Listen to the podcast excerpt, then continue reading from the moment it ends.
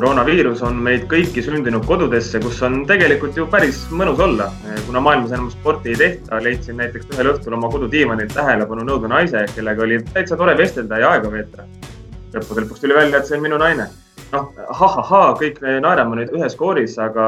aga tõele au andes võib selliseid nalju interneti avarustest leida söögi alla ja söögi peale, kuid mõneti illustreerivad need käesolevat olukorda väga hästi. aga selleks, et normaalne elu ikkagist kuidagi seisma, no mitte kuidagi seisma, vaid päris seisma ei jääks, on ka Postimehe spordisaade Kehakultuur andmas oma kätt selle kõige jaoks, et eh,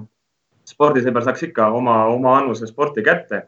aga paratamatu on mõistagi ka see, et meiegi räägime väga palju koroonaviirusest ja selle mõjust spordimaailmale, aga mitte ainult, kuna saate teises pooles võtame luubi alla Mehhiko ralli. eksperdina on meil Skype'i silla kaudu ühenduses Mikko Niinemäe minu nimi on Henri Lääne, töötan Postimehe spordiajakirjanikuna ja see on minu paarimees Karl Juhkami, kellel on täpselt sama ametikoht.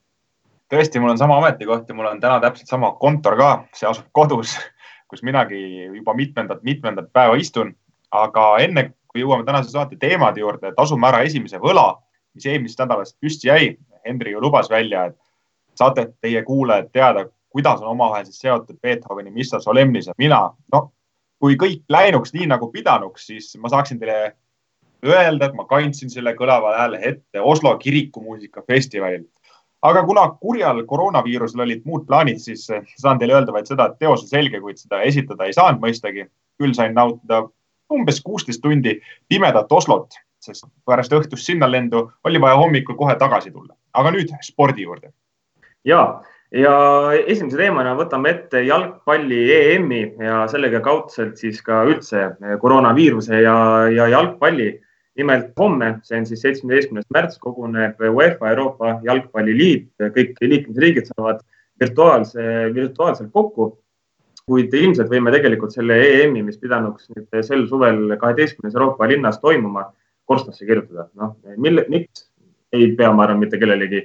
selles osas vihjet andma aga küsimus EM-i osas ikkagist jääb päris selge, et, et kas see lükatakse talvele või, või järgmise aasta suvele näiteks. sellepärast, et on ju raske uskuda, et, EM täiesti ära jäetakse, noh, põhjus on lihtne, raha et sinna on,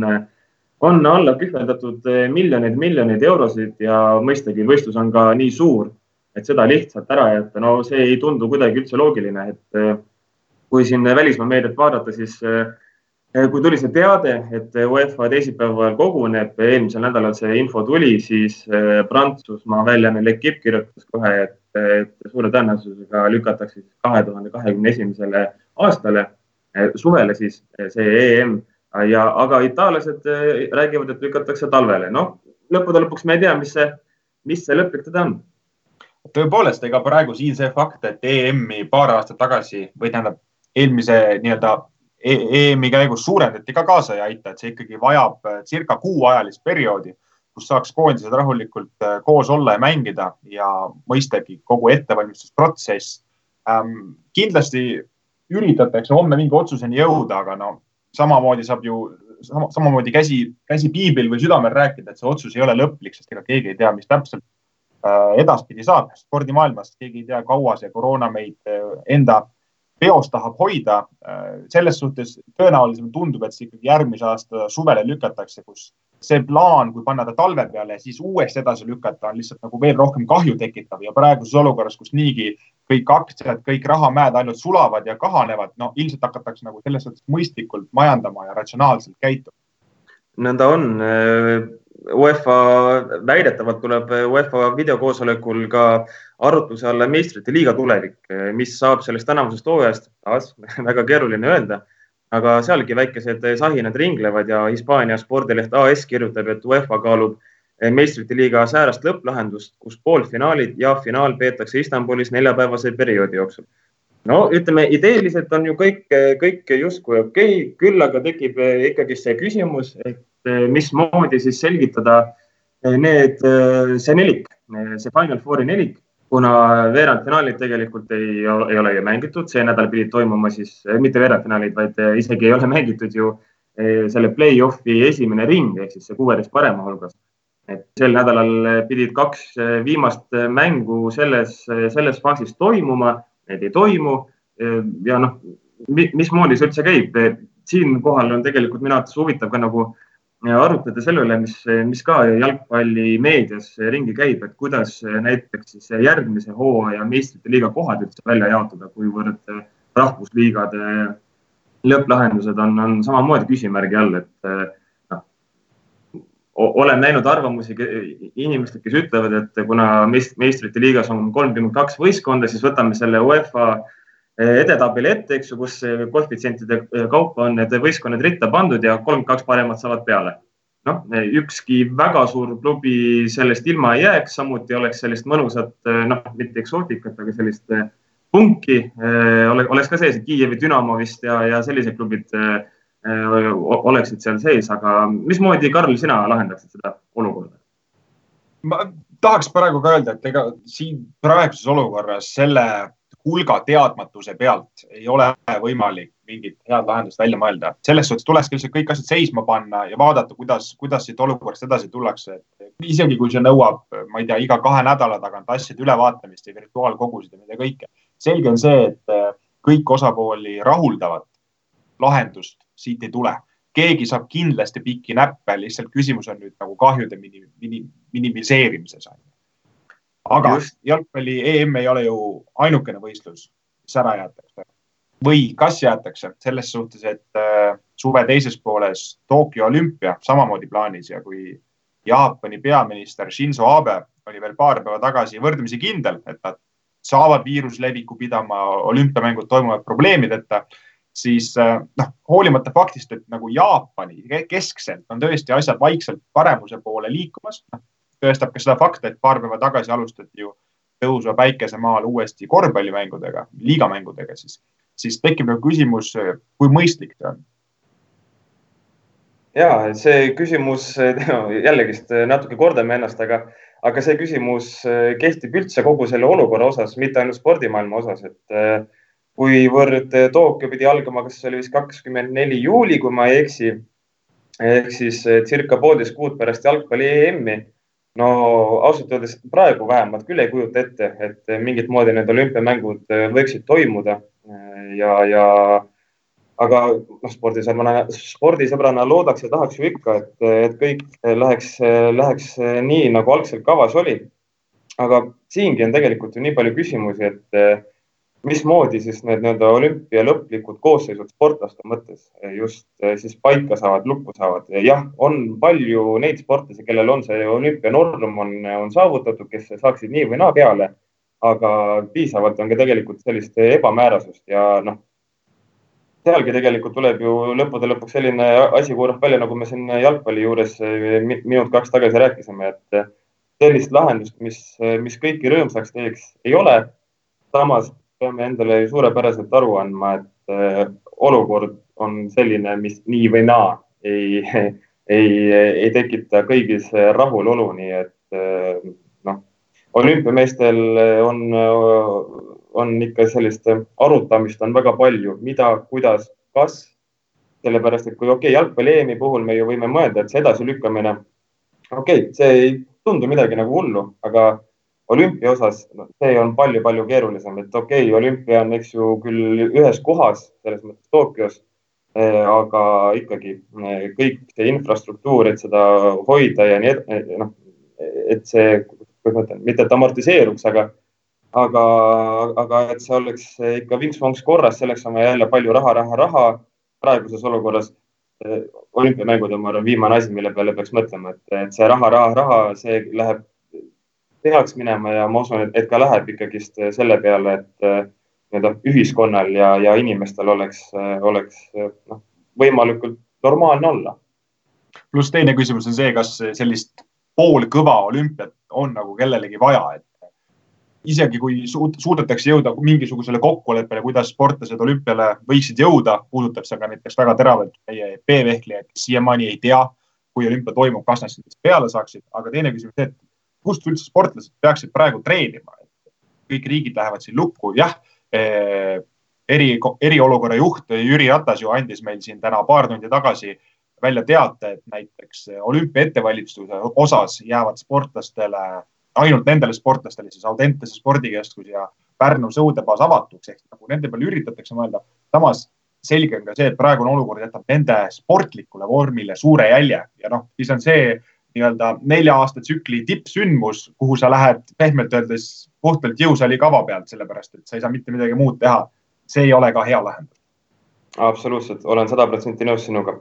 Aga nüüd võib-olla tekib küsimus, milles me ei ole sada protsenti ühel nõul. nimelt äh, näiteks Eesti käsipallis ja, ja võrkpallis on ju välja öeldud, et hooaeg on läbi, midagi enam ei ole. korvpallis samamoodi hooaeg on läbi. noh, okei okay., jalgpall on Eestis ilmselt enam-vähem ainus asi, kus see hooaeg nii-öelda lõppenuks ei saa kuulutada, sellepärast et mängitakse ju sisuliselt, mitte sisuliselt, vaid märtsist novembrini, kui ma ei eksi. just. just. aga kas see on sinu arvates õige, et võitjaid kusagil välja ei kuulutata või peaks siis noh, piltlikult öeldes paneme, paneme selle põhiturniiri arvestuse järgi esimese, teise, kolmanda ja väljalangeja paika ja lähme edasi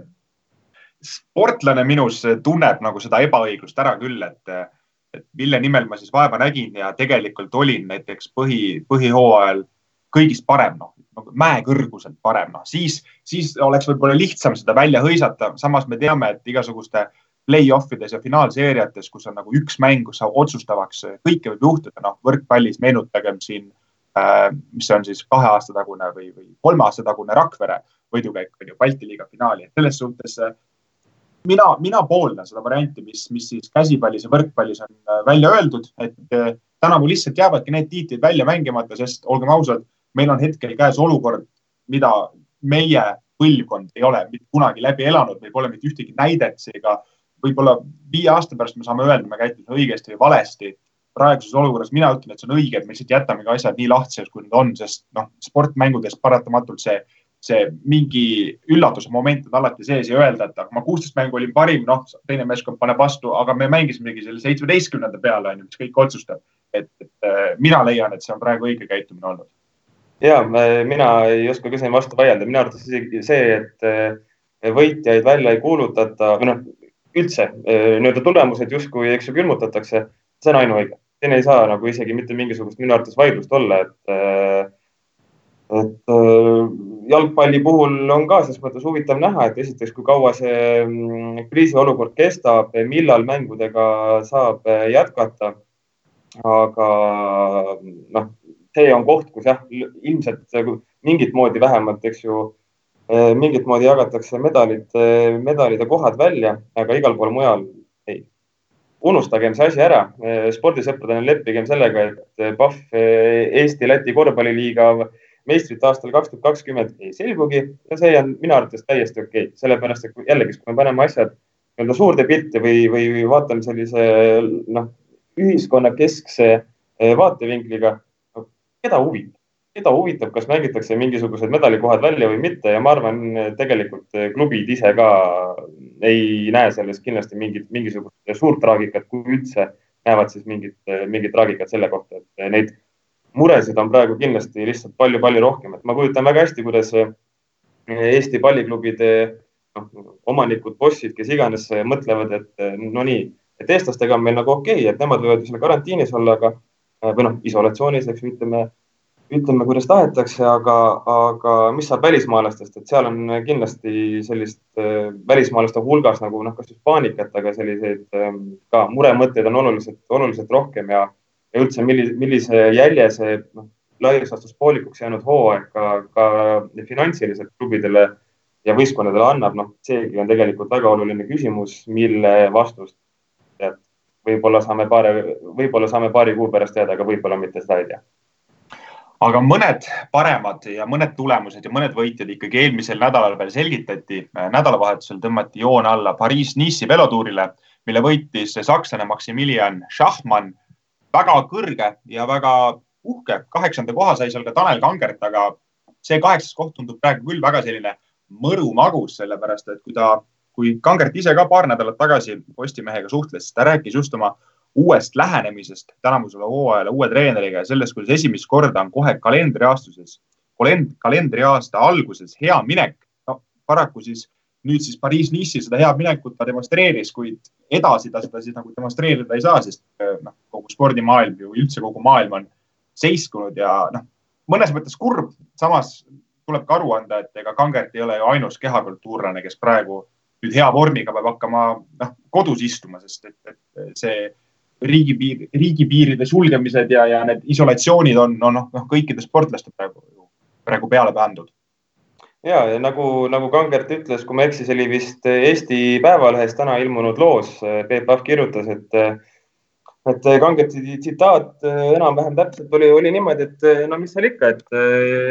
lähen, lähen koju, viin rattapuhki välja, Žironas vist oli kaheksateist kraadi ja päike, et, et ruttu peal on hea päikest võtta, et selles mõttes mulle meeldib see, kuidas Kangert võtab, Kangerti puhul on tegemist väga sellise intelligentse sportlasega ja, ja kõik see tema sõnavõtud ka nagu ainult näitavad seda niimoodi, et noh, see on ju tore, et on hea vorm, aga jällegist sa saad aru, milline see olukord maailmas on ja ei ole lihtsalt eh, mitte midagi te teha, teha. aga kui,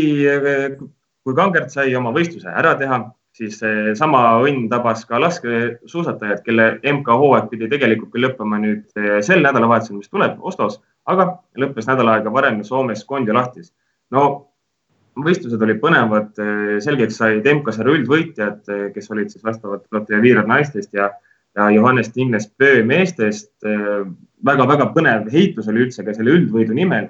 aga minu jaoks, mis sellest laskesuusatamise, võib-olla isegi ka tegelikult hooajast nagu kõige rohkem meelde ja kõlama jääb, on ikkagi see, mis Kondjalahtis oli, ehk siis Martin Fourcadi ja Kaisa Mägeraineni lõppakord tippspordile jah, kahju, et sellised inimesed äh, tõmbavad joone alla oma sportlaskarjäärile, samas ühel hetkel peaks see nagu niikuinii juhtuma. samas, kui mälu ei peta, siis äh, Kaisa puhul oli tegelikult sama küsimus väga teravalt õhus ka eelmisel aastal, kas ta üldse jätkab. kui ta selle gloobuse endal pea kohale tõstis või kõrvale ja sellega naeratada sai, et, et äh, natukene on uudised, mis hüüdsid tulles, tõsi, noh, Furcadi puhul on see natuke šokeeriv, arvestades, et prantslased peaks olema vanust ainult kolmkümmend üks eluaastat. aga kui laskesuusa märk, laskesuusa hooajast veel kuidagi kokku võtta, siis hüppan korra eestlaste juurde ja noh, fakt, et nüüd siin Kontiolahtis noh, mingid head tulemused jälle tulid eestlastele, aga see tundub olevat ka selline läbiv teema eestlastele üldse äh, laskesuusatamise maailmas, et hooaja lõpp, jälle tulevad need paar sähvatust, et Ermis äh, esimest korda ju sel hooajal sai Kontiolahtis punkte, Oja tegi hea tulemuse, Raido Ränkel lasketiirus, keda ma siin eelmisel nädalal hurjutasin natukene, tegi umbes selle, selle hooaja parima, parima laskmise, kui ta eksis lamada said ühel tiiru ühe korraga püsti, pani üldse puhtalt, onju, et, et ähm, ilusad, ilusad nopped siia hooaja lõppu. aga noh, jällegi tekib nagu see küsimus, et kas see oli nagu üksik sähvatus ja noh, see nagu küsimärk jääb, jääb sellest eh, vähemalt Eesti peatleitide osas minu jaoks õhku jah, et uueks hooajaks eh, on küsimusi küllaga eh, ja, ja noh, ütleme, ei taha olla ju täielik pessimist. samas ole, olgem ausad, kui seda nüüd möödunud, möödunud hooajale mõelda, siis ega ei ole ka ju mingit põhjust olla väga suur optimist jällegi, nii et eks, eks ole näha, kuidas kõik läheb ja, ja noh, peaasi on ikkagi see, et, et hooaja eelne see ettevalmistus saaks olla võimalikult võimalikult hea, et kedagi kimbutaks mingisugused haigused või mis iganes. mäletame ju Tuuli Tomingas samamoodi päris hooaja alguses juba ütles, et, et veidi enne hooaega sai treeningutega natuke üle pingutada ja lõppude lõpuks temalt ju mingisugust tulemust tegelikult ei tulnudki. Äh, küll aga tahaks väga kiita Regina Oja, et ütleme tema ja noh, natukene siis ka Rene, Rene Tsahkna, kui mõtleme paarissegadate peale, aitasid, aitasid sellele hooajale sellist rõõmsamat tooni anda, aga kui individuaalselt mõelda, siis Oja, ma arvan, tegi küll täitsa oma ära. jah, ja noh, paraku annavad ka nii-öelda tulemused karbist mustas kirjas sellele hooajale negatiivse pitseri. mehed ju jäid ühest stardikohast ilma MK-sarjas, et rahvuste karika edetabelis jäid nad Poola selja taha äh, kaheksateistkümnendale kohale ja paraku see ei ole piisav, et saada järgmisel hooajal nelja meest siis võistlustele peale peale läkitada, vaid tuleb kolmega piirduda. naistel õnneks jäi selles aspektis kõik muutumatu. jah, ise eile õhtul ka korra mõtlesin eh, selle peale, et mehed ühe stardikoha MK-sarjas MM-il kaotavad. Eh, noh, olgem ausad, kahe mehe koht on nii või naa kindel, Kalev Ermits ja, ja Tahna. Siis see kolmas koht, noh, kes seal võistlevad. meil Raido Vänkel, Kristo Siimer, no Robert Heltna ka vist sellise noh, poole kohaga, aga kindlasti seda kohta jahib, et tegelikult see võiks ja peaks vähemalt teo,, vähemalt teoorias ju tekitama siis sellise veelgi kõvema konkurentsi sellele, et, et MK-sarjas ikkagist peale saada pluss tegelikult ju tekib see teema, et kui edaspidi tahta ikkagi mingitel etappidel peale saata Eesti teatemeeskond, siis äh, üks, üks nii-öelda peatleet peaks kohale tulema ainult teatesõidu pärast. Äh, jällegi arvestades äh, meie sportlaste rahalist võimekust ja noh, kes teab, mida see koroona veel kõige, kõige rahaga siin maailmas hakkab veel tegema, siis see kindlasti kasuks ei tule muidugi, aga kui peatonis, noh, olgem ausad, hooaeg üleliia särav ei olnud, noh, kas just üldse särav, isegi tegelikult siin omadussõnu võib mõelda igasuguseid, siis suusa orienteerumine oli küll selline asi, mis siin talihooaja lõppu väga ootamatult tõi väga häid uudiseid. tõepoolest, Daisy Kudre ja Matis Jaama olid siis äh, sprinditeates, said pronksmedali kaela, kui siin Venemaal Hunter Mansiskis tõmmati möödunud nädalal alla joon kogu suusa orienteerumise hooajale. tõsi, see ei olnud ju planeeritud nii, aga jällegi koroonaviirus seda tingis. lisaks siis veel ju Kudre sai pronksmedali tavadistantsilt, et äh, ei ole kõige populaarsem, kõige levinum, kõige räägitum ala, aga. mina ütlen ausalt, mina ütlen ausalt, enne kui, kui need head teatajad sealt Antõõ Mantsiskist tulid, ma isegi ei teadnud, et selline asi olemas on võib-olla sa näitad minu kui spordiajakirjaniku väga keht, väga kehva sellist, sellist, sellist teavet, aga noh, nii oli. No siis äh, ma valgustan natukene sind ja võib-olla teisi kuulajaid ka, et tavalise orienteerumisega, Hendrik, ma loodan, sa oled ikkagi kokku puutunud. jah, olen isegi võist-, või no mitte võistelnud, aga osalenud. noh, ega suusa orienteerumise kohta on põhimõtteliselt on ta, sama nagu tavaorienteerumine, lihtsalt talvel suuskadega mööda radasid ja, ja kuigi ta esmapilgul kõlab lihtsalt, siis äh, noh, kasvõi see fakt, et pura, puraaniga on sul tegelikult ju teed ette, ette sõidetud, siis see on ka nagu see kõige suurem raskus. Vähemalt niimoodi sportlased ise räägivad, et noh, talvel iga rist on samasugune, mis, mille järgi sa suunda võtad, kui loodus on ühtlaselt valge, igal pool on lumi, teed on samasugused, puud samasugused. ehk siis iga väiksem viga ühel pöördel tähendabki sisuliselt, et sa oled kõrgest mängust kohe väljas, see on, mis nii-öelda siis selle puusa orienteerumise kõige suurem väljakutse, et ei pruugigi olla see, et kuidas, kuidas vastupidavusega või, või, või kaardi lugemisega lood on, et lihtsalt, et sa koha peal teed ühe selle vale, vale eksimuse ja ongi mängust väljas. aga eh, nüüd, ma arvan, ongi paslik aeg eh, suunduda ralliradadele ja vaadata tagasi Mehhiko rallile ning eh, nagu saate alguses sai lubatud, on meil eksperdiks noh, külas on nagu natukene vale öelda, sellepärast et noh, mina olen üksinda oma kodus, õigemini naine ja kass on ka. sina oled, Karl, oma, oma korteris, aga oleme Skype'i silla eh, ühendusel võtnud, võtnud, võtnud turu otsa Mikko Niinemäe ja siinkohal mängime ka selle intervjuu ette. aga eh, kuna Mikko osa on meie saates viimane, siis eh, ütleme juba siinkohal ära, et aitäh kuulamast, loodame väga, et nüüd ma ei tea, järgmised neli-viis kehakultuuri saadet ei tule ainult sellest, kuidas koroonaviirus jälle mingisuguseid väga suuri korrektuure teeb, aga mõistagi anname endalegi sellest aru, et, et need on, et see on oluline teema ja, ja mõistagi kajastame ka neid, aga eh, nii nagu me Postimehe tänasel spordikoosolekul rääkisime, siis kasvõi näiteks järgmine nädal on, on, on väike mõte ka laskesuusatamisele keskenduda taas ja selle hooajal ja selline eestlaste läbi vähe, vähe pikem ja suurem, suurem tagasivaade teha. aga pikk jutt, läks natuke segaseks ka, ma ise tundsin. aitäh kuulamast ja ärge siis unustage ära, et Mikko Niinemäe intervjuu tuleb kohe pärast neid sõnu. Mikko, no räägiti siin eh, Mehhiko ralli ajal ja tegelikult ka enne, enne katsete eel, eeskätt siis kuuekordne maailmameister Sebastian Ogier, et tegelikult see Mehhiko ralli oli, oli miski selline, mis, mille oleks võinud vabalt ära jätta. Mis sinu arvamus selles osas on, kas oli õige, et see rallikaravan seal, seal võistles ja noh, sellepärast, et ole, olgem ausad, sisuliselt kõik WRC piloodid on ju eurooplased ja, ja tiimid on samamoodi asuvad eurooplased, Euroopa nagu me teame, on selle pandeemia epitsenter, nii et äh, viisime sinna nagu midagi. ei tea, kas viisime või midagi, aga loodan, et mitte. aga kas selle ralli toimumise koha pealt, ma arvan, et see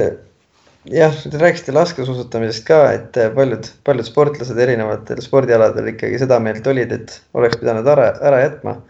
Mm, ma siinkohal tegelikult kuulakski samamoodi sportlaste enda arvamust, et äh, sporti peab tegema äh, naudinguga, see publik on oluline, see melu on oluline, kõik selle juures on oluline.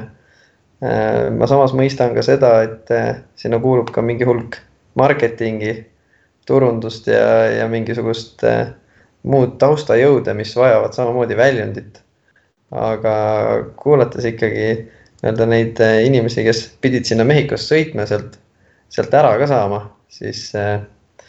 oleks siis võib-olla tõesti võinud mingisuguse kiire vangerduse teha ja, ja ka selle kas ära jätma või edasi lükkama. Aga ma kujutan ette, et sealgi võis tegelikult ju rolli mängida see, et noh, nii või naa, Rootsi oli, eks ju, selline Eh, selline poolik etapp, eh, kuna koroona möllab, ega me ei tea ju, eh, millal ja kuna järgmisena üldse sõidetakse, et ehm, ka võib-olla natuke selline, ma ei tea, viimane hurraa justkui. No paratamatult õnneks talispordialad said praegu niikuinii peaaegu läbi, onju, aga kahjuks vormel ühe ja, ja ralli nii-öelda hooajad on tegelikult just algamas. Et äh, paratamatult äh, on see siia nagu, äh, paratamatult siia, selles hetkes ei olegi midagi muud teha, kui, kui nagu selle viimase hurraa pidamine võib olla samuti selline suhteliselt ohtlik, et võib-olla need nii-öelda desperate measures on, on siinkohal kõige just õigemad no meie pole kindlasti inimesed, kes peaksid hindama kuidagi FIA või WRC promootori tööd, aga see, et selle otsusega nii kaua venitati, viivitati, on see sinu hinnangul nägemuses oli õige, et ikkagi pakkuda see, see väike, väike Mehhiko ralli nii suures ulatuses, kui saab? no mul osaliselt on nagu hea meel endal isiklikus perspektiivis, et, et see ralli toimus. Äh, no rallihuvilisena mul oli teda ikkagi huvi, huvitav jälgida ja nähes seda, kui vormeli ühe nii-öelda avaetapp Austraalias jäeti ära, siis äh, ikkagi jäi äh, sinna hulka päris palju nördinud äh, noori vaatajaid, lapsi, isasid, emasid, kes plaanisid sinna minna. et selles suhtes anda teada millegi ärajäämisest ütleme nelikümmend kaheksa või isegi kakskümmend neli tundi varem ei ole kindlasti õige, et FIA siinkohal oleks pidanud selle vastu, vastu, nii-öelda vastutuse või võiks otsuse tegema varem. et, äh, et see, see, jah, tõesti FIA ei suutnud otsustada, võib-olla sellel juhul oligi õige nagu midagi üldse pakkuda, et äh, muidu, muidu oleks jälle saanud nii-öelda teise päris karmi hoobi tegelikult kogu FIA tegutsemine, mõeldes nii vormel ühele kui WRC-le. Mis me sellest äh, koroonast ikka räägime, ikkagi Mehhiko ralli oli ja õnneks on veel veel spordist rääkida kui vaatame tagasi, kakskümmend üks katset sõideti ja viisteist neist lõppesid Hyundai meeste triumfiga. noh, see number iseenesest on ju väga muljetavaldav, aga noh, tervikuna oli Mehhiko ralli Hyundai jaoks kõike muud kui tulus. tõsi, täna, kui teine koht tuli, ent, et äh, probleemid põhiliselt elektroonikaga ja noh, üldse see kõrgel sõitmine oli siis see, mis kukutasid suurest mängust Villi ja Sordo. no ütleme jah, et see on niisugune Äh, katsevõitude osa on äh, see positiiv, mida saab äh, Hyundai meeskond koju tagasi vedada, et aga ega nad nii Andre Adamo kommentaaridest kui ka sõitjate kommentaaridest nägime, et ega rahul selle olukorraga ei oldud. aga meestel oli ka ebaõnne, et selles suhtes võtame siinkohal kohe ka teemaks Esa-Pekka Lappi auto mahapõlemise, siis ma olen kindel, et M-sport ei lähe ka õnnelikumana koju just äh, Lappi, Lappi küsimus või personaalteema oligi, oligi järgmine, mida, mida puudutada tahtsime. no eelmine rallihooaeg oli väga hästi näha, oli võrdlemisi palju neid põlevaid autosid. süüdlaseks äh, Volkswagen Polo R5, kus siis oli mingisugune kütuse paagi probleem, lõpuks lahendati ära, enam Volkswagenid ei põle. Aga see Lappi, Lappi olukord või situatsioon tegelikult oli väga-väga jahmatav, šokeeriv meie kõigi jaoks, kes me seda nägime oskad sa kuidagi selgitada või, või, või, või öelda, kuidas saab justkui olla võimalik, et eh, nagu Lappi ütles, katse ajal tal ei olnud nagu justkui mitte mingisuguseid probleeme. finišisse jõuab, Jan Ferm hüppab välja, vaatab, et oi pekki. no ütleme, et nende autode küljes on päris palju erinevaid süttivaid vedelikke, sõidab kaasa seal äh, nii, nii õlide kui pidurivedelike ja, ja muude vedelike näol äh,. siis palju ei ole vaja, et selles kõrges temperatuuris me teame ise väga hästi, et summutid on kuumad. paratamatult nendel autodel on äh, kuumad ka, ka pidurid ja, ja sellega seonduvalt muud veermikuosad, et, et nendel, äh, nendel osadel ei ole vaja väga suurt temperatuuri, et süttida. Lisaks on nende auto küljes palju siis süsinikdetaile ja süsinikdetailid nimelt äh, sisaldavad suures osas EPA vaiku, mis äh, on samuti suhteliselt põlev materjal. et äh, siin ütleme, on, on nagu sädet vaja valesse kohta, et, et see auto süttiks, kuigi see ei ole, see ei ole tavapärane kindlasti, et need autod süttivad. Nonii, kellegi kass vist ka vaatab, et oi, Esa-Pekka Lappi autol põles maha või mis värk toimub, aga Eh, Lapi puhul muidugi kurb oli ka see, et tegelikult mees oli tegemas täitsa, täitsa okeid rallit. Eh, kui ta sinna katse lõppu jõudis, noh, hiljem nägime neid videokaadreid ka, kuidas eh, nad mõlemad Janne Fermiga tulid autost välja, seal noh, kohe hakkas kiire tegutsemine pihta. Aga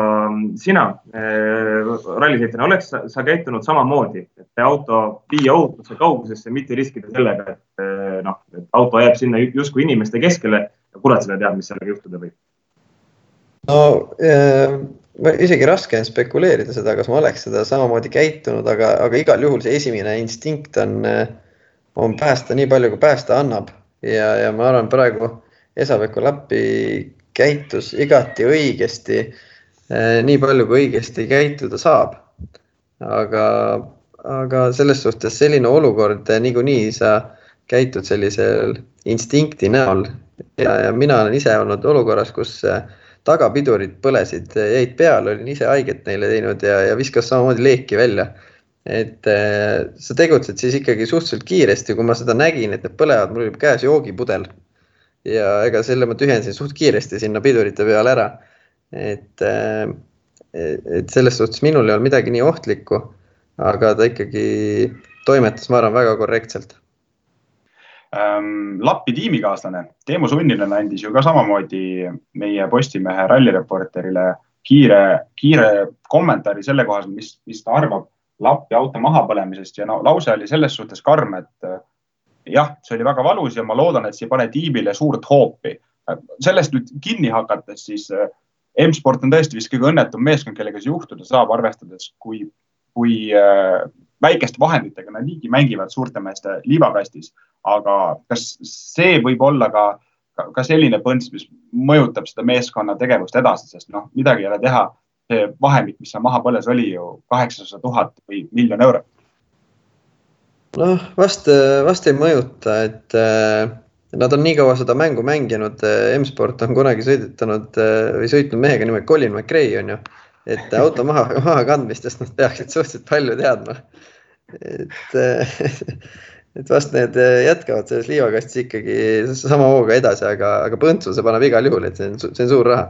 Et äh, kui M-spordi peale mõelda, siis tegelikult noh, me kõik äh, eestlased, rallisõbrad ju mõtleme selle peale, et see on rallitiim, ehitab autosid, neil on WRC tiim. samas nad on tegelikult ju ka edukad ringrajal kestvussõitudes ja, ja M-spordi see oli vist kaks tuhat üheksateist või kaks tuhat kaheksateist, mäletan mingisugune majandusaruanne või miski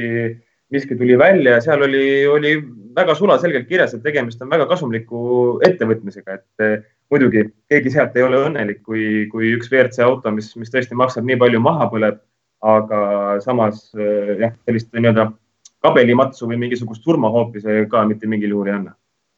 ei usu, ei usu, et eh, siiski selles on piisavalt kaua seda äri tehtud, et, et see üle elada. absoluutselt aga eh, Mikko, kui veel natukene mm, mõelda rallile tagasi, siis eh, mis sind seal eh, võistluse puhul kõige enam üllatas või oli ikkagist kõik võrdlemisi ennustatav? kusjuures üllatas ilmselt kõige rohkem see, et Tanis Ordo auto lagunes laiali praktiliselt esimese katse peal, et suhteliselt selline naljakas, naljakas mure, et see lõdviku lahti tulemine jahutussüsteemis on ütleme ebaõnn, et see sellel kohal juhtus, et see surve tekib sinna ju auto käivitamisel ja oleks ta vabalt võinud selle juba hoolduspargist selle lõdviku lahti visata, et see, et mees pidi ise seda remontima hakkama ja ilmselt ka tehniliselt see ka muid vigastusi põhjustas, siis see oli nagu, nagu veider, et sellised meeskonnad selliseid vigu ei tohiks endale lubada. aga, aga selles suhtes sõidu osas võib-olla jälle üllatas Elfin Evans, jäi ta küll neljandaks, aga jube kindlalt nii-öelda sõidab, jube kindel on kogu, kogu oma tegevuses, nägime, kuidas väiksemaid sõiduvigu tegid nii Teemu Suninen, Ott Tänak, Sebastian Ogier aga mitte ühtegi Elfin Evans, kes puhastas teed ja tegi tegelikult jumala rahulikult oma töö lõpuni. et mulle see väga meeldis. Mul on eh, tegelikult üks teema ka, kus ma tahaksin hea meelega sinu arvamust, Mikko. mind on see isiklikult juba, juba pikemat aega natukene häirinud ja häirimise põhjus on siis see, et Thierry Neuville Mehhikos ilusasti katkestas, ent superralli süsteemis ta naases rajale ja sai lõpuks kirja kuueteistkümnenda koha. olgu see on minu jaoks veel kõik hästi, aga küll äh, hakkab mind väga häirima see, kui ma hiljem siis kerisin äh, meeskondliku punktitabeli ja vaatan sealt ilusasti, et Hyundai meeskond sai Mehhikos kirja, noh, Ott Tänaku teise koha ja siis Thierry Neville'i kuuenda koha punktid. arvestades, et mees oli tavalisest punktikohast väga-väga kaugel on see minu jaoks täielik nonsenss ja absurd. ma küll saan aru WRC klassi põhimõttest, ent kui meil on mees, kes katkestas, tuleb tagasi ja siis on ka veel punkti kohalt väljas, noh, palju sa neid nii-öelda päästerõngaid võid loopida, et nagu mees, meeskonnad ikka punkte saaksid teenida kuidagi.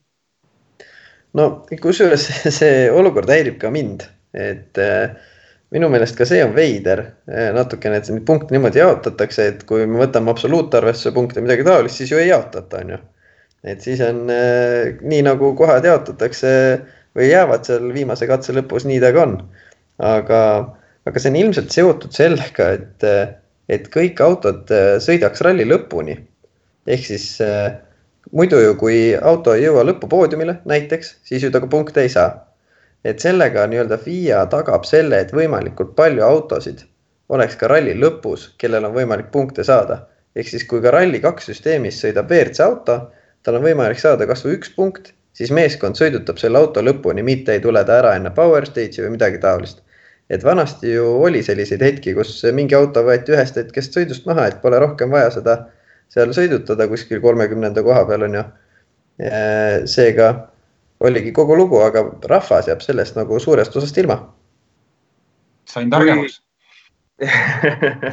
kui, kui mõtleme veel natuke ka Hyundai peale, siis ehm, no enne kui, enne kui see, see uudis tuli, et Ott Tänak eh, Hyundai'ga liitub eh, või õigemini veidi pärast seda, siis oli ju palju neid, kes noh, kas kahtlesid, aga mõtlesid, et kas, kas Ott saab ikka selle Hyundai taksutamisega hakkama, kas ta suudab seal kiirelt kohaneda, sellepärast et noh, leviv narratiiv on ju see, et Hyundai'ga saab ainult üks mees sõita ja tema nimi on, on, on Thierry Neville. nüüd siin Mehhikos ka pärast rallit Tänak ütles, et see teine koht, no eks see tuli ikka punnitatult ja raskelt, aga vähemalt hakkab mingisugune arusaam ikkagi autoga, autoga tekkima ja arenema. et kas kas võiks natukene nagu noh, ma ei taha öelda, et häirekelli lüüa, aga natukene muretseda, et see, et see autoga kohanemine ei ole päris nii, nagu näiteks Evansil või, või Ožeel näib olevat Toyotas, et mehed istusid sisse ja andsid gaasi ja, ja, ja, ja resultaadid tulevad. noh, eks see Toyota on lihtsalt lihtsam auto, millega sõita tundub või, või kohaneda, et me näeme ka, et Hyundai on suurem see Otil võib olla sellest eh, ka omaette sihuke harjumus vana, millest on raske lahti saada. ja, ja ega suures osas ju ongi Hyundai'd arendanud alguses Terrine Vill, kes, kelle nii-öelda näpunäidete järgi see auto üles ehitati. aga ma, ma mingit häirekella ei lööks, et eh, Ott võitis siiski kuus katsevõitu, et eh, öelda, et nüüd on midagi traagilist juhtumas, siis seda märki ma küll kuskil ei näe ja kui noh, mõtleme ka sellele, et, et see ühel neljandal katsel vedrustuse lõhkumine, noh, see justkui, või no mitte justkui, vaid see kukutas sellest võitlusest Ožeega välja. kui seda ei oleks olnud, oleksime me tegelikult ju näinud äh, vägagi haaravat lahingut nende kahe mehe vahel. no igal juhul, et äh, siin pole kahtlustki. paratamatult äh, on nüüd äh, kõikide rallisõprade huulil üks küsimus, mis saab edasi, et äh, teada on see, et Argentiina ralli lükati edasi, on vist ikkagi see ametlik termin jätkuvalt, aga seejärel noh, peaks naasma WRC sari Euroopasse, kus koroona kõige rohkem möllab. mai lõpus Portugali, Portugali ralli ei tundu väga tõenäoline. Sardiinia, noh, arvestades Itaalia seisu, noh, okei okay,, saare peal on küll elu natukene, natukene lihtsam siiamaani olnud, aga tundub ka jube-jube kahtlane, et kas enne nagu juulikuist etappi ei, ei tasugi nagu väga-väga loota midagi paremat ralli naasmist siis? no ma arvan, et circa kahe nädala pärast oleme kõik eh, kindlamad selles, mis, mis edasi saab. täna öelda, mis saab, on täiesti etteruttamine, et tõesti Portugalis samamoodi eh, viirus levib ja, ja levib ta seal Porto piirkonnas kõige, kõige rohkem, et sealt on ka ralli läbi käinud ja ja selles osas eh, on olukord ilmselt raske, et Portugalis hetkel eh, nähakse rohkem vaeva sellega, et inimesed terved oleks, mitte ralli korraldamisega vaeva. ja, ja Sardiinia ralliga samamoodi, kuigi noh, õnneks nende vahel on mingid nädalad. et äh, anname aega umbes, umbes kaks nädalat, ma arvan, siis, siis tehakse ka see otsus, mis tegelikult saab, aga, aga tõesti FIA ja ka kõik äh, väga lähedal viibivad äh, isikud on arvamusel, et äh, järgmine ralli on üldse Safari ralli Keenias. et ega see nii-öelda WRC karussell on selles mõttes aastal kaks tuhat kakskümmend sattunud ikka paraja portsu otsa asjade, asjade pärast, mis pole tegelikult ju kuidagi nende poolt mõjutatavad, et Rootsi ilm, nüüd koroona, noh kuidagi justkui tahaks eh, WRC-le väga palju kaasa tunda, samas on see kõik arusaadav, et see hooaeg, noh, ei taha ju öelda, et see, et see tuleb korstnasse kirjutada, aga, aga selline väga, väga pettumust valmistav asi kõik rallifänni jaoks. Igal juhul ütleme, et eh, see aasta on iga spordifänni jaoks pettusest valmistav aasta, et äh, siin on oht veel, et ka teisigi alasid tühistatakse ja nii edasi, et te olete siin saate jooksul nüüd rääkinud äh, päris mitmest alast, mis kõik on mõjutatud mingist haigusest. okei okay,, ilmast äh, ei ole nad nii palju mõjutatud olnud, aga tulen jälle laskesuusatamise juurde, siis ega nemad ka ilmaga väga õnnistatud see hooaeg ei ole, ei ole olnud. nii on, nii on. Äh, siia vahele teeme ka väikese debati ja küsimus on äh, lihtne. kas kuulutada MM-tiitel välja, kui selgub, et no ütleme, jääb näiteks, ütleme, et pooled rallid toimuvad, enam-vähem niimoodi et eh, minu, ma ise mõtlen, eh, mõtlen nõnda, et ei, eh, ei olegi tegelikult seda FIA reeglite raamatut nüüd nii üksipulgi lahti võtnud, et kas seal on üldse, Mikko, äkki sa tead mingisugused kriteeriumid, mis, kus on kirjas, et noh, et MM-tiitlit näiteks me ei anna välja, kui on hooajast sõidetud, ma ei tea, alla viiekümne protsendi või midagi sellist? arutasime Olafiga ja, ja kumbki ei jõudnud äh ei jõudnud nagu selleni, et tehakse, et oleks midagi sellist kirjas, et on miinimum toimuvate etappide arv. võib-olla me oleme ise midagi maha maganud, aga Olav on selle ralli, autoralli fänn olnud väga kaua ja ise ka tegelenud, mina samuti. et sellist pretsedenti pole veel olnud. aga kas autoralli maailmameistritiitel niimoodi välja jagada, siis võimalik, et jah, et tule, tuleks, et siis vähemalt on, mille eest nendel toimuvatel võistlustel võidelda kuigi see on väga kohvi paksu pealt öeldud lause, siis kuna arvestades, et neid Jaapanis on, on praegu juba sportmängudega natukene lood paremad, et korvpallimängudega see nädal alustati, arvestades, et Jaapan on ka WRC hooaja kõige viimane ralli, siis kui kusagile panustada, siis see äkki tundub kõige tõenäolisem, aga, aga isegi kui oleks stsenaarium selline, et meil oleks neli MM-etappi, siis oleks nagu see MM-tiitel samaväärne, sama väärtuslik või kokkuvõttes, kui sa oled autoralli maailmameistriks, vahet ei ole, kas sa tegid seda nelja etapiga või, või kolmeteistkümnega. hea küsimus, et äh, laskesuusatamises Johannes Tingesböö sündis laps siin poole hooaja pealt, jättis mitu, mitu võistlust vahele ja tuli ikka maailmameistriks on ju ja ma arvan, et see on talle veel väärtuslikum kui, kui varasemalt, aga, aga see teatakse sunniviisiliselt ära, ega kõigil on võrdsed võimalused ikka seda meistritiitlit võita, et äh, olukord on sama äh,. kas neid võistlusi on neli, viis või kuus või, või neliteist. et äh, ma, ma arvan, et see magususe tunne on sarnane ikkagi, et sa oled olnud siis see nendel hetkedel, kui sulle anti võistelda võimalus, oled olnud kõige parem. jah, et ega vaevalt, et keegi niimoodi kuskile rallidele läinud, mõelnud, et ah, tead, ma siit võtan rahulikult, et aasta lõpus on seal kuskil Soome, Uus-Meremaa, need, need on minu kohad, seal ma lähen majutama ja seal ma lähen punkte koguma, et, et ikka minnakse ju igale võistlusele selleks, et anda endast sada protsenti. Aga eh, okei okay,, jätame Mehhiko ja sellise lähituleviku või noh, mis puudutab seda hooaega autorallis natukene kõrvale ja, ja, ja räägime natukene ka sellest teemast uh, uute generatsiooni autodest, mis siis kaks tuhat kakskümmend kaks tulema peaksid. no siin ütleme Rootsi ja Mehhiko vahel Tommy Mäkinen eelkõige ikka pommitas päris korralikult, viidates Hyundai ja, ja M-spordi poole, kes siis justkui Eh, sooviksid, ehm, et uue auto mootor baseeruks R5 jõuallika peal, praeguse R5 jõuallika peal, siis tema aga pooldab seda WRC varianti, et eh, Mikko, sinu jaoks kumb oleks justkui parem variant või, või, või tegelikult see mootori küsimus polegi nii oluline? ma, ma teleülekandes natuke eh, võtsin ka sõna sellel teemal. minu meelest oleks ikkagi vägev, kui, kui need autod, WRC autod oleks natuke erilised muidugi Tommy Mäkineni arvamus, et WRC auto küljes peaks olema kõik tipptehnoloogia, mis äh, üldse olla saab, äh, vahuga täituvad rehvid, äh, hübriidajamid ja ükskõik veel millised võimalikult keerulised nii-öelda arendused, siis see ei ole realistlik, et see teeb selle ala liiga kalliks. see tähendab ka seda, et ei ole nii-öelda külalisvõistlejaid, et täna ikkagi ralli paljuski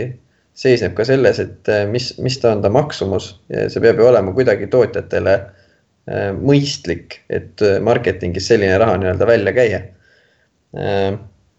aga, aga mina arvan, et kuskil kesktee tuleb leida see, et minnakse kas viiekäigulise käigukasti peale või, või kaotatakse ära keskdiferentsiaal, siis sellised asjad ei kaota ära ralli vaatemängulisust.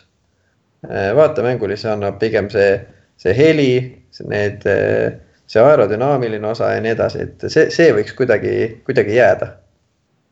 ise ka suhtlesin Twitteris päris eh, ühe Tšehhi rallifänniga, kes eh, ütles minu arvates tegelikult väga tabava pointi, et eh, praegused R5 autod, noh, neil ei ole midagi viga, aga kui sa vaatad neid R5 autosid pärast circa kümmet WRC-d, no siis tundub, et nagu mingisugused suvalised Škoda Fabia ja, ja, ja Volkswagen Polod seal sõidavad, et et eh, ma kujutan ette, et see tegelikult eh, üleminek eh, rallifänni jaoks võib olla päris karm, kui peakski siis niimoodi olema, et need autod noh, ei ole enam nii vaatemängulised nende selle noh, hübriidtehnoloogia ja, ja kulude kokkuhoiu või kontrolli mõttes. igal juhul, et äh, olen ka mina seda vaadanud, et, et kui ikkagi esimene R5 auto seal ülekandes tekib, siis see on niisugune veider, et äh, nagu venib seal, seal pildi peal, et äh, selles suhtes äh, ma arvan samamoodi, et äh, see, see on ka publikule tuntav raja ääres. Äh, see efekt ja kogu see, kogu see võimsus, mis nendel autol on, et midagi peaks sealt ikkagi jätkama. arvestades, et praegu, okei okay,, Citroen läks küll kõrvale, väites, et sõitjate pärast, et see nii-öelda tippsõitjad neil võtta ei olnud, siis siiski oli meil nii-öelda neli tootjat, siis nelja tootjaga WRC sarja sõita on täitsa okei okay aga mida rohkem, seda uhkem selles suhtes. et aga, aga igal juhul tuleb säilitada eh, see, just see võimsus nii-öelda, mis nende WRC juures hetkel on. et nad on ikkagi midagi erilist, eh, midagi sellist natuke kauget ja, ja nagu ka ma mainisin ülekandes veel, et nagu vormel ühes, et, et see vormel üks auto on midagi muud ikkagi vormel kolmest, vormel kahest ja nii edasi. et ta on ikkagi samm edasi kogu aeg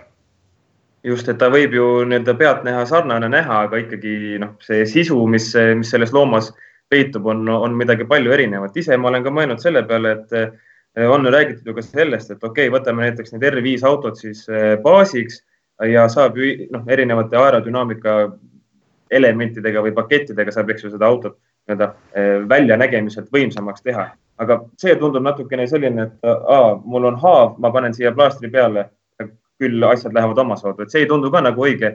Käies ise aasta alguses Monte Carlos, seal oli üks ralliauto, Dacia Sandero eh, R4 siis kitiga. Samamoodi, kui peale vaatad, siis noh, nägi täitsa vahva välja küll, aga kui mootor käima pandi no,, ralliautost seal noh, haisu oli, aga, aga mitte väga suur eks ta kipub olema jah, et see, see kõik need RVI arendused, edasiarendused ja, ja mis siin on ka varem tehtud, neid regionaalralli autosid nii-öelda ja protosid, et need on sellised mille, millegi asja kombinatsioon ja sihuke hübriid, mis või sihuke universaaltehe, mis kunagi ei ole kõige parem mitte millegi jaoks, et see, ma arvan, et see ei ole selle asja võlu. ja, aga ma arvan, et eh, nüüd võimegi rallijutud ja uuesti ka kehakultuuri kokku võtta. Eh, aitäh, Mikko. Eh, võib-olla kohtume siin saates veel kunagi, loodetavasti siis mitte enam Skype'i silla kaudu. aga noh, nagu me siin ennegi rääkisime, millal, millal jumal see toimub, kes seda teab, aga ärme selle üle muretseme, sest kunagi kohtume me kõik igal pool kuidagiviisi